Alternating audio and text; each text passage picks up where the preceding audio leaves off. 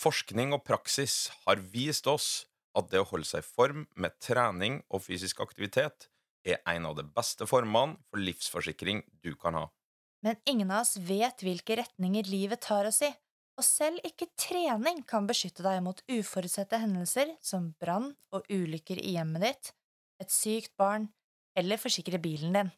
Til det her har du forsikringene til Fremtind Forsikring, som er eid av Sparebank1 og DNB. Ready, set, go! Velkommen til prestasjonsprat med Eirik og Melina. Hei, Melin. Hei, Erik. Som vanlig så kjører vi begge fotene i bakken, og uh, hva har skjedd siden sist? Hvor skal jeg begynne? Um, Femårs bryllupsdag. uh, foreslår Det er veldig bra at jeg foreslår det, da. At du, at du, at du begynner der. Du får for den, liksom. Ja, vi hadde fem års bryllupsdag. Det var veldig hyggelig, da. Det var veldig hyggelig. Det var hyggelig for en gangs skyld å være hjemme på bryllupsdagen eh, min. Ja, det har du, du har aldri vært hjemme på én bryllupsdag så lenge vi har vært gift. Nei, jeg var hjemme, eller var for så vidt ikke hjemme på den første heller, da, da var i bryllupet vårt den Ja, første gangen. Og så har jeg vært på samling hvert eneste år siden den gang. Og det skulle jeg jo for så vidt ha vært i år òg, men eh, tingenes tilstand ville ha det annerledes. Så da fikk jeg til å være hjemme for en gangs skyld, og det Ja. var veldig hyggelig. Det var deilig. Så vi feiret dagen med lunsj, eller brunsjdate, eh, på eh, ærverdige Nedre Foss gård. Og flottet oss eh, i det urbane liv med Barnevogn. barnevogn og en fin brunsj. Og trikset som vi liksom bruker hvis vi skal spise ute med kiddo, det er jo å booke bord rett før rushet. Ja, eller det gjør vi jo uten, uh, uten kiddo. Ja, men Altså- nå er det sånn ekstra fokus på det, føler jeg. Ja, men det, jeg elsker å være relativt alene på restaurant. Så det var helt perfekt den gangen her òg. var og to-tre andre som eh, det var gjester på. Ellers så var det begynte folk å komme når vi dro, så Ja, det var helt deilig. nydelig. Det var helt nydelig.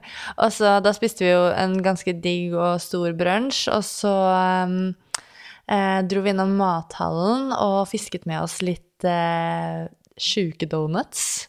Og litt eh, oh, min favoritt, sitronmaringspai. Og så hadde vi det til middag, rett og slett. Det helt perfekt. Det var en nydelig eh, middag. En litt søt middag. Ja, så det ble litt sånn omvendt på ting. Men det var en fantastisk deilig dag. Hyggelig å feire bryllupsdag. Og ellers, jo, eh, egentlig samme liksom helga, da, så løp jo jeg intervall med vogn. Nei, uten vogn, for første gang. Eh, bare for å hoppe rett over til trening, da. I hvert fall Eh. første gang siden fødsel.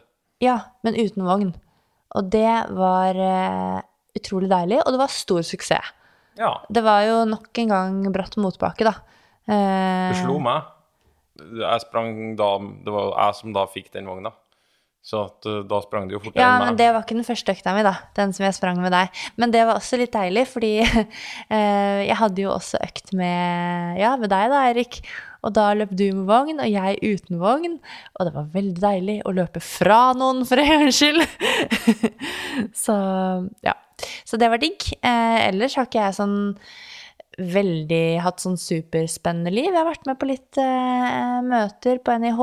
Ikke fordi jeg må, og jeg jobber jo ikke akkurat nå, men sånn Jeg syns det er godt å holde hodet litt i det faglige også, så det ikke skal bli så tungt å begynne på når jeg begynner å jobbe igjen, og holde litt kontakten med fagmiljøet.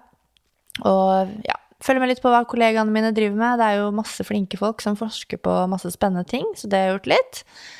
Ehm, og så hadde vi dåp for vår lille sønn, så det var jo et lite rigg i seg selv. Ja, det er et rigg. Ja, men det var hyggelig, da. Og vi hadde én veldig god kake. Um, og så, dagen derpå, så dro vi oss ut i bushen. Ja, vi var på Tretopphytta. Ja, Og det var, det var kult. det var kult. Det anbefales Ja. til alle lyttere tretopphytte. Altså. Det, var, det var moro. Ja, Selv for meg igjen. som har en eh, lett eh, høydeskrekk. Så Har du det? Jeg har lett høydeskrekk, jeg. Ah, ja, det visste. Moderat eh, til lett eh, høydeskrekk. Ja, men det er det sånn Du syns det er litt ubehagelig? Skrekk er liksom Ja, men det er det jeg sier. Lett til moderat. Jeg, jeg klarer å stå på tærne uten å bli svimmel. Eh, og jeg klarte å oppe i tretopphytta, men jeg er ikke noe Jeg er ikke hard på, på høyda. Nei. Men det er eh, veldig sånn Du føler at det er veldig stødig når Eller jeg følte i hvert fall det, at det var veldig stødig når vi var der. Ja, jeg måtte inn og sjekke, og visstnok så skal det Så er det dimensjonert for å tåle eh, 42 meter i sekundet vind, da. Ja. Og da, da bles det jo relativt heftig. Orkanstyrke. Da bles det relativt heftig, og da skal du faktisk kan bli oppe her. Og da vet jeg om jeg hadde sovet så godt. Da tror jeg det er som å være eh, ordentlig på bølgene blå når, eh, når det er store bølger. Eh, For vi så jo Selv når vi var her, så var det jo ikke noe vind. Men du kjenner jo at hytta beveger seg. Ja, og du ser at den beveger seg litt i forhold til trærne som den er festet i, da. Ja. Så det var en veldig fin opplevelse, og vi våknet jo opp da liksom med ekorn hoppende rundt der, og en hakkespett fløy forbi, og Så det var veldig idyllisk, rett og slett. Um, Ellers så har jo jeg da begynt å dra på samling igjen. Ja. Og det er jo først og fremst ekstremt deilig å få samla hele gjengen til det som for så vidt er jobben min, og det som er jobben deres, og prøve å bli best mulig på ski. Og det håper jeg og tror at den høsten her gir oss muligheten til å være på flere samlinger. Det ser litt sånn ut akkurat nå. Eh, og det gleder jeg meg til. Dere hadde bra samling. Jeg skjønte det, alle var kjempefornøyd med Ja. Steinkjer-oppholdet. Steinkjer eh, leverer år etter år. Og så en siste ting, da. Vi må ta med en siste ting. Så var vi jo og på Tufte gård. Ja, det var kjempegøy. Det var eh, med da samling med Akademiet for personlig trening, som eh, vi jobber litt med. Eh, og da var vi på Tufte gård, litt i forbindelse med at de også er sponsorer av Olav Tufte, som satser videre da mot OL. Så da fikk vi ha en samling der, og det var egentlig veldig gøy, fordi da ble, fikk vi oppleve litt sånn Sånn trener Olaf Tufte. Og det som er ganske imponerende, er at han er bonde, altså gårdbruker, med fullt eh, liksom, opplegg på gården her. Og mm, ja, og jobber med alt mulig rart. Og litt sånn på fritiden så er han idrettsutøver. Så det er utrolig imponerende. Vi fikk jo da prøve forskjellige øvelser som han faktisk eh, bruker og har brukt i treningen sin. Så det var melkespannkast, blant annet. Og flippe traktordekk og diverse. Så det var tungt, men gøy. Eh, og det som er Jo, faktisk akkurat denne uken her så har jo eh, Akademi for personlig trening lansert at de gir bort gratis kostholdskurs til eh, alle barnehageansatte i Norge. Og det fikk vi høre om på den samlingen, da. Så det, det er jo på en måte litt sånn snikreklame for noe som vi jobber med, men jeg syns det bare er så stilig at de liksom eh, ja, ønsker å starte den kompetansehevingen når det gjelder hvordan barn skal og bør spise, da. Helt fra liksom, ja, barnsbeina. Det er jo der det begynner. Ja, det er dødsstilig. Og ikke minst så er- er det òg stilig fordi at det er en veldig god Segway inn til den episoden her. Ja! Fordi høsten er jo i anmarsj. Vi har til nå Vi har vel snart holdt på et år med podkast. Er det sant? Ja, det, tida går fort. Vi har dekket dekt eh, egentlig ganske få tema i forhold til hvor svært eh, temaet prestasjon er. Men en føler jo at en har snakka om ganske mange tema, i hvert fall innenfor kondisjon, utholdenhet etc. Ja. Det er jo sånn at eh, vi har jo kunnskap om veldig mye annet innenfor treningsfeltet enn utholdenhet og kondisjon, men det er liksom vår default, og det, vi er jo spesielt nerde på akkurat det. Men vi har jo selvfølgelig lyst til å favne enda bredere. Det er jo derfor podkasten også heter prestasjonsprat og ikke utholdenhetsprat. Så i høst så har vi faktisk tenkt å ha litt sånn ekstra fokus på ernæring. Ja, som er et meget eh, stort felt, strengt talt, innenfor eh, Det kan være også selvfølgelig innenfor helse. Vi har tenkt å ha mest innenfor prestasjon, eh, naturlig nok. Og der ser vi at der kan det bli ganske mange episoder etter hvert. Ikke hele høsten skal handle om ernæring, men vi skal, ta, vi skal begynne å skrape litt i det temaet der. Og da tenkte vi i dag skal vi liksom begynne den første touchen med det her eh, skrapinga på overflaten av eh, store temaet prestasjon og ernæring. Så først, hva er ditt forhold til idrettsernæring, Melina? Idrettsernæring, ja. Altså, det er jo et forhold som, har, eh, som jeg har fått i de senere årene. Altså, et forhold til mat har man jo fra man er liten, og jeg elsker mat. Og eh, jeg er oppvokst med veldig sånn sterk matkultur, eh, med familiemiddager laget fra bunnen. Pappa er sånn ganske så feinschmecker eh, av seg, og veldig matinteressert. Han har også drevet flere restauranter, faktisk. Så mat er noe som eh, Ja, som jeg alltid har hatt en, eh, en, eh, en eller annen form for interesse for, da. Eh, Og også blitt tatt med veldig på matlaging fra jeg var veldig liten. Så det var liksom godt etablert.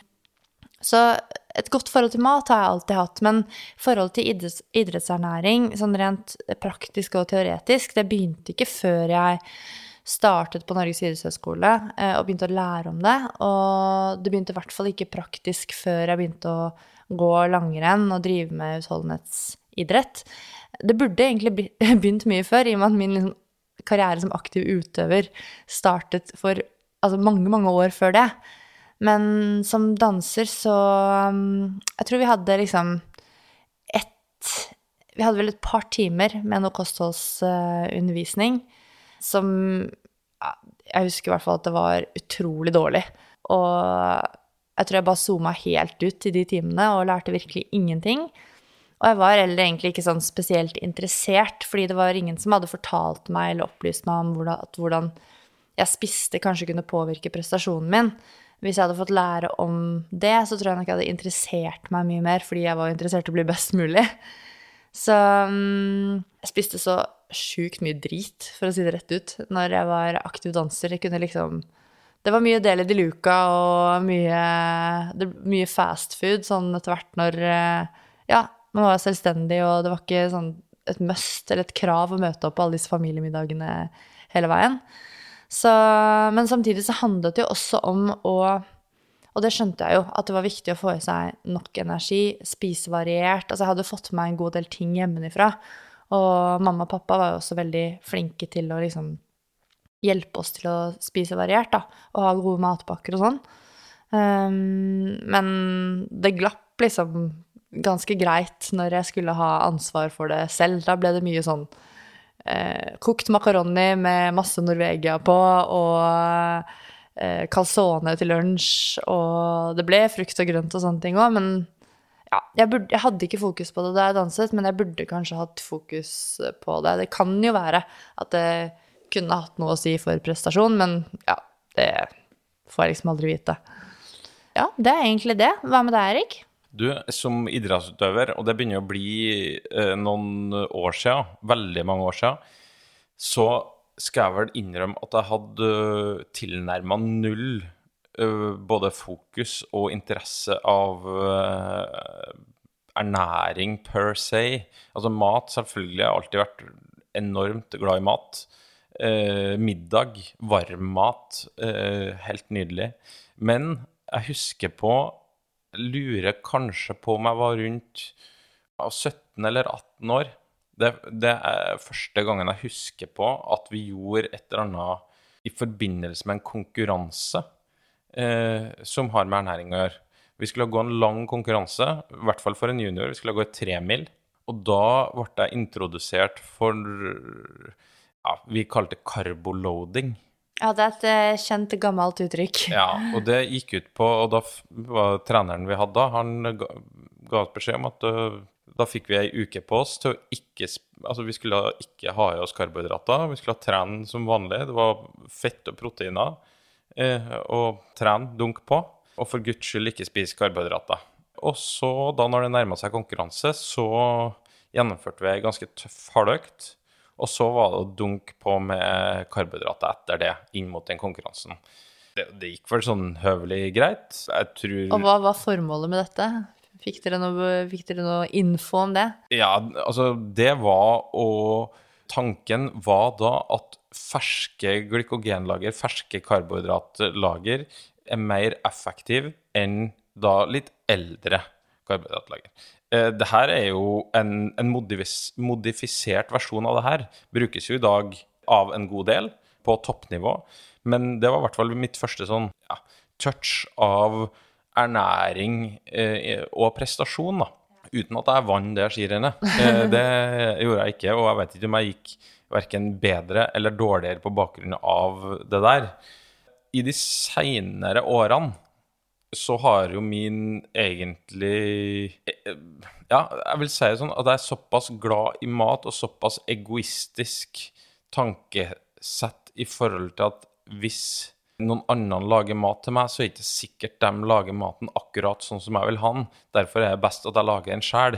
Da kan jeg òg Ok, her hører dere. da kan jeg òg smake underveis og sånn. Så jeg har blitt veldig matinteressert. Er blitt litt sånn foodie-type. Litt irriterende person.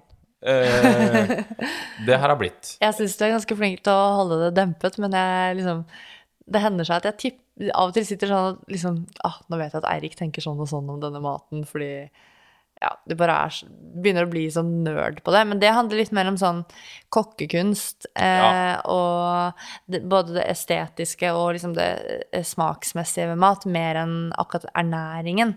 Selv om du er veldig nøye på råvarer og sånn, da. Men mat er veldig viktig for oss, da.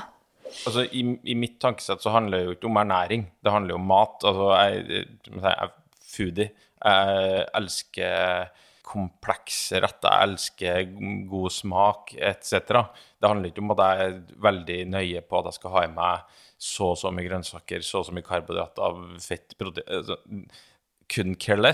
Men jeg har blitt veldig matinteressert, og Chef's Table på Netflix har ikke akkurat bidratt i negativ forstand i forhold til det. Det har egentlig bare bygd opp under det hele. Og da når koronaen treffer, og Eivind Hellstrøm dunker ut på Instagram daglig med alskens fryd for ganen uh, av retter og hvordan du lager det, så er det klart at da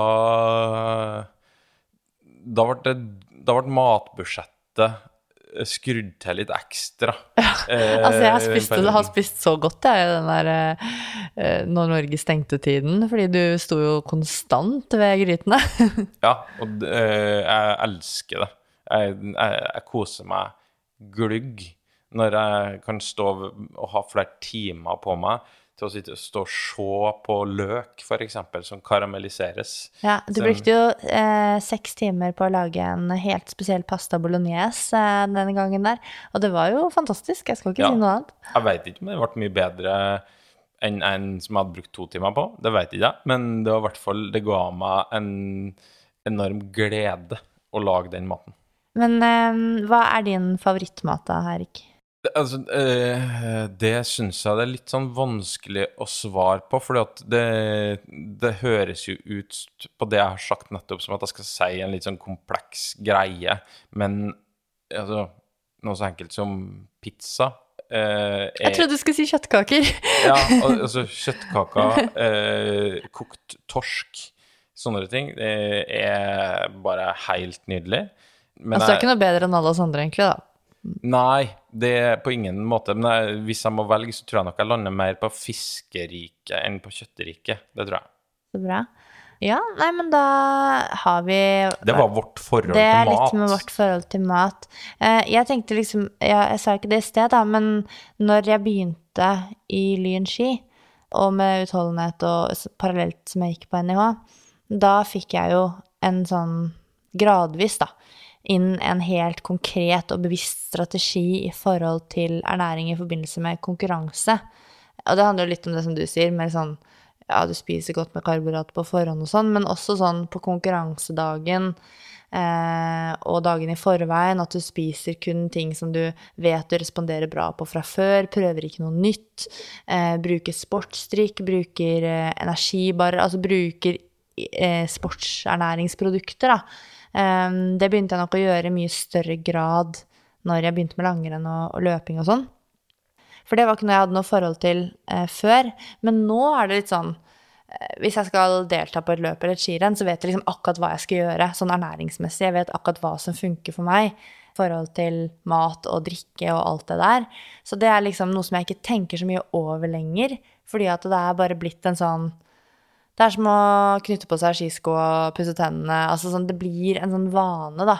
Sånn bare Dette er en av greiene jeg gjør før jeg skal konkurrere eller før hardøkt. Eh, som også da har med ernæring å gjøre. Men det som er litt spennende, er jo at det er eh, ikke bare innenfor utholdenhet, men innenfor ja, kraftidrett og, også, så er det jo mye forskning som foregår i forhold til andre typer strategier enn det du og jeg har vært borti.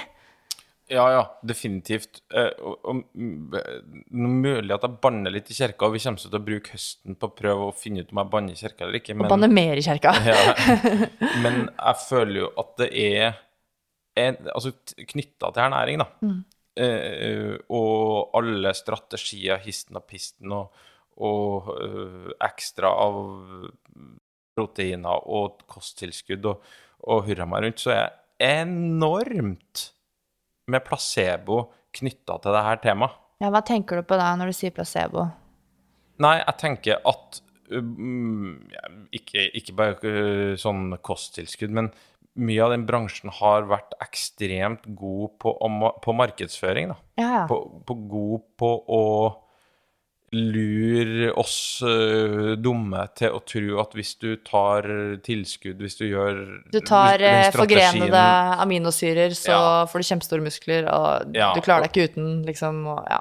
Ja, og det, og, og, og det, er, det er egentlig enormt fascinerende hvor lettlurt vi strengt tatt er da, på akkurat det der. Og det er jo ikke bare på rene på produkt, men det var litt sånn på, på strategier og det jeg kaller details, da.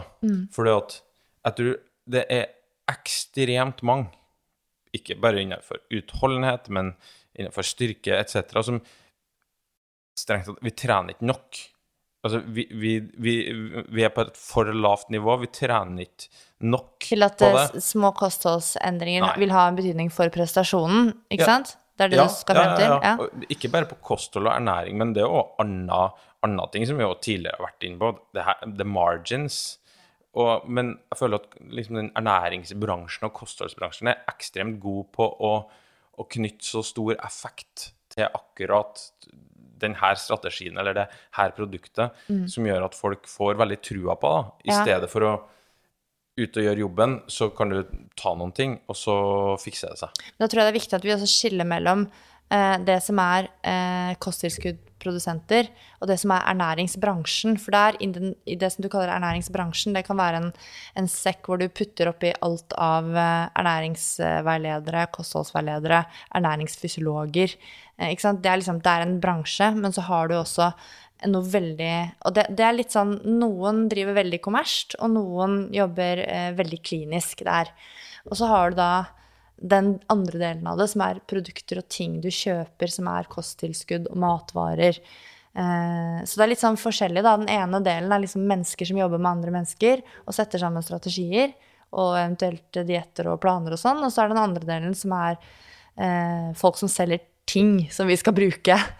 Men jeg tror det at når det gjelder disse tingene da, som vi kan eh, innta, som vi kan få kjøpt for penger, så tror jeg nok det er litt sånn at eh, Ja, som du sa, chasing marginal gains, som man kaller det.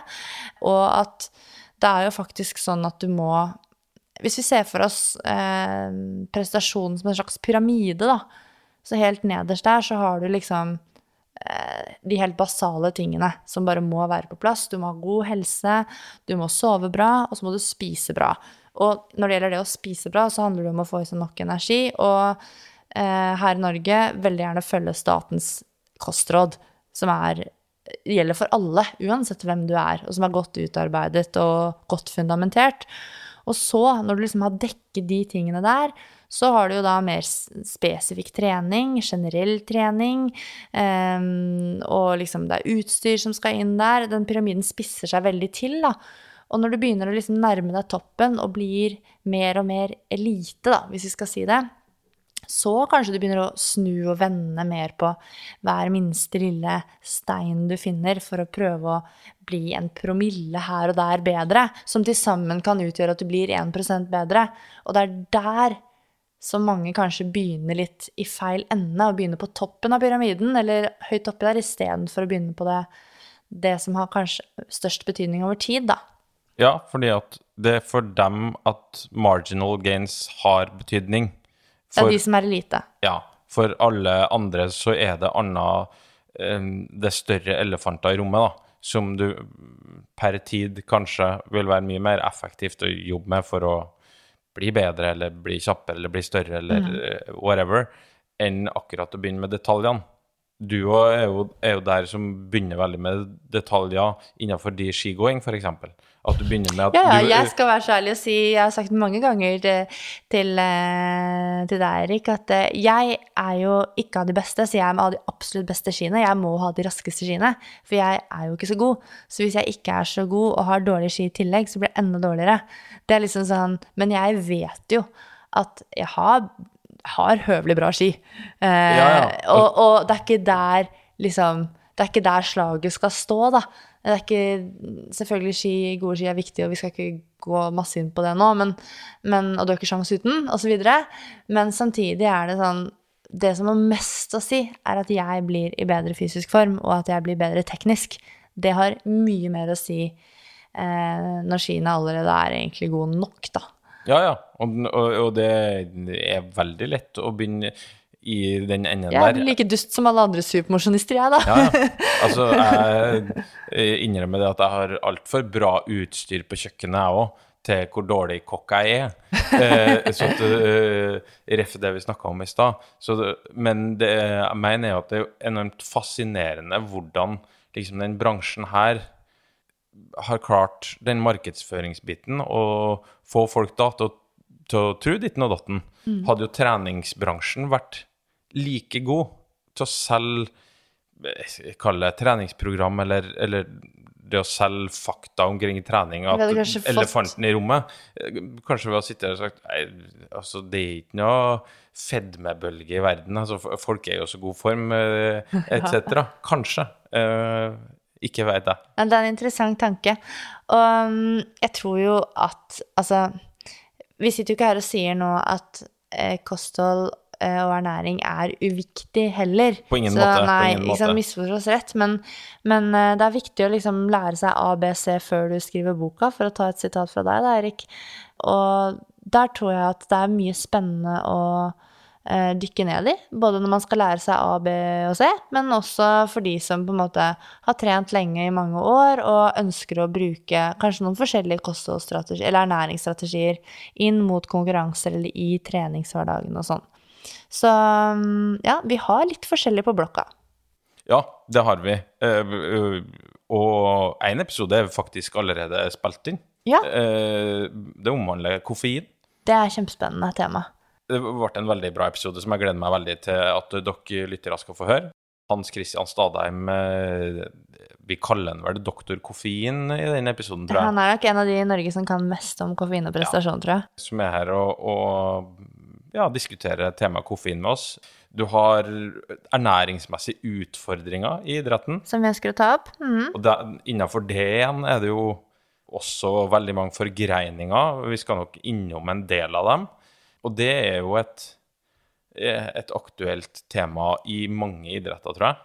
Ik Ikke bare på ø, damesida, som jeg tror får veldig mye av i gåsehudene pepperet omkring spiseforstyrrelser og ernæringsmessige utfordringer. Da. Eh, Jeg tror òg vi karene har uh, mye svin på skogen, uh, også innenfor det.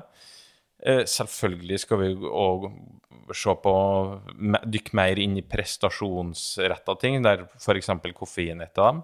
Jeg sitter og drikker et glass Jeg tar meg et glass rødvin til kvelden. Alkohol er jo også innenfor eh, eh, kategorien ernæring. Mhm. Og så skal vi, ja, så ulike ernæringsstrategier for ulike typer prestasjoner, det er i hvert fall noe som vi ønsker å ha fokus på. Eh, Det blir selvfølgelig snakk om kosttilskudd, og ja, så det, i det hele tatt er et enormt, enormt tema, og mm, vi trenger jo å ha litt gjester inn på det her. Altså du og jeg, Erik, vi har jo eh, kunnskap om eh, fysiologi og biokjemi, og det gjør at vi skjønner og forstår mye av eh, dette som handler om ernæring. Vi har også noen studiepoeng i idrettsernæring, men det er andre som er bedre enn oss på de ulike kapitlene da, eh, som vi har tenkt til å, å ha med i podkasten. Og så er det jo sånn at uh, vi ønsker ikke å sitte her i vår egen lille kunnskapssilo og bare ta inn gjester som vi selv er uh, veldig interessert i. Vi gjør det òg, da. Og snakke om ting som vi føler selv at vi har peiling på. Vi ønsker jo å ha inn gjester, og også få inn da temaer som dere ønsker å lære om som er da relatert til ernæring. Så hvis du har en ønskegjest eller et ønsketema, så kan du gjerne sende det inn til oss på en eh, direct message, en DM, på Instagram, som er et prestasjonsprat. Ja, send inn spørsmål òg, fordi vi Jeg har masse spørsmål, men det kan være noen spørsmål som enten jeg ikke har tenkt på, eller som jeg er altfor dum til å egentlig stille, eh, som dere lyttere tenker på. Og still dem gjerne til oss, så skal vi prøve å sende det spørsmålet til en person som er veldig god til å svare på det. Vi skal i hvert fall prøve. Så var det her en litt sånn overordna ernæringsprat, og så skal vi ta ta på oss svømmeføtter og dukkerbriller og dukke ned i det her temaet utover høsten. Og som jeg sa i starten, ikke alle episoder i høst kommer til å handle om ernæring, men en mye større andel enn det har vært til nå. Så da er vi klare, da, for eh, høsten 2020. Og eh, vi er kjempeglade for at vi har fått en så herlig lytterskare som nå følger med oss i tykt og tynt. Og det er selvfølgelig plass til mange flere, så vi blir veldig glad når dere deler episodene, og også når dere engasjerer dere med å, ja, som Eirik sa, sende inn spørsmål, og også sende inn tips til gjester dere vil ha. Og det som er litt gøy, er at en del av tipsene er jo ting som vi allerede har tenkt på, så da er det tydelig at vi er, jeg føler at vi er sånn samstemte med lytterne våre også. Men bare fortsett med å hjelpe oss med å lage gode episoder, for de episodene de blir til på bakgrunn av det dere har lyst til å høre. Så until next time, ha det bra. Ha det, ha det.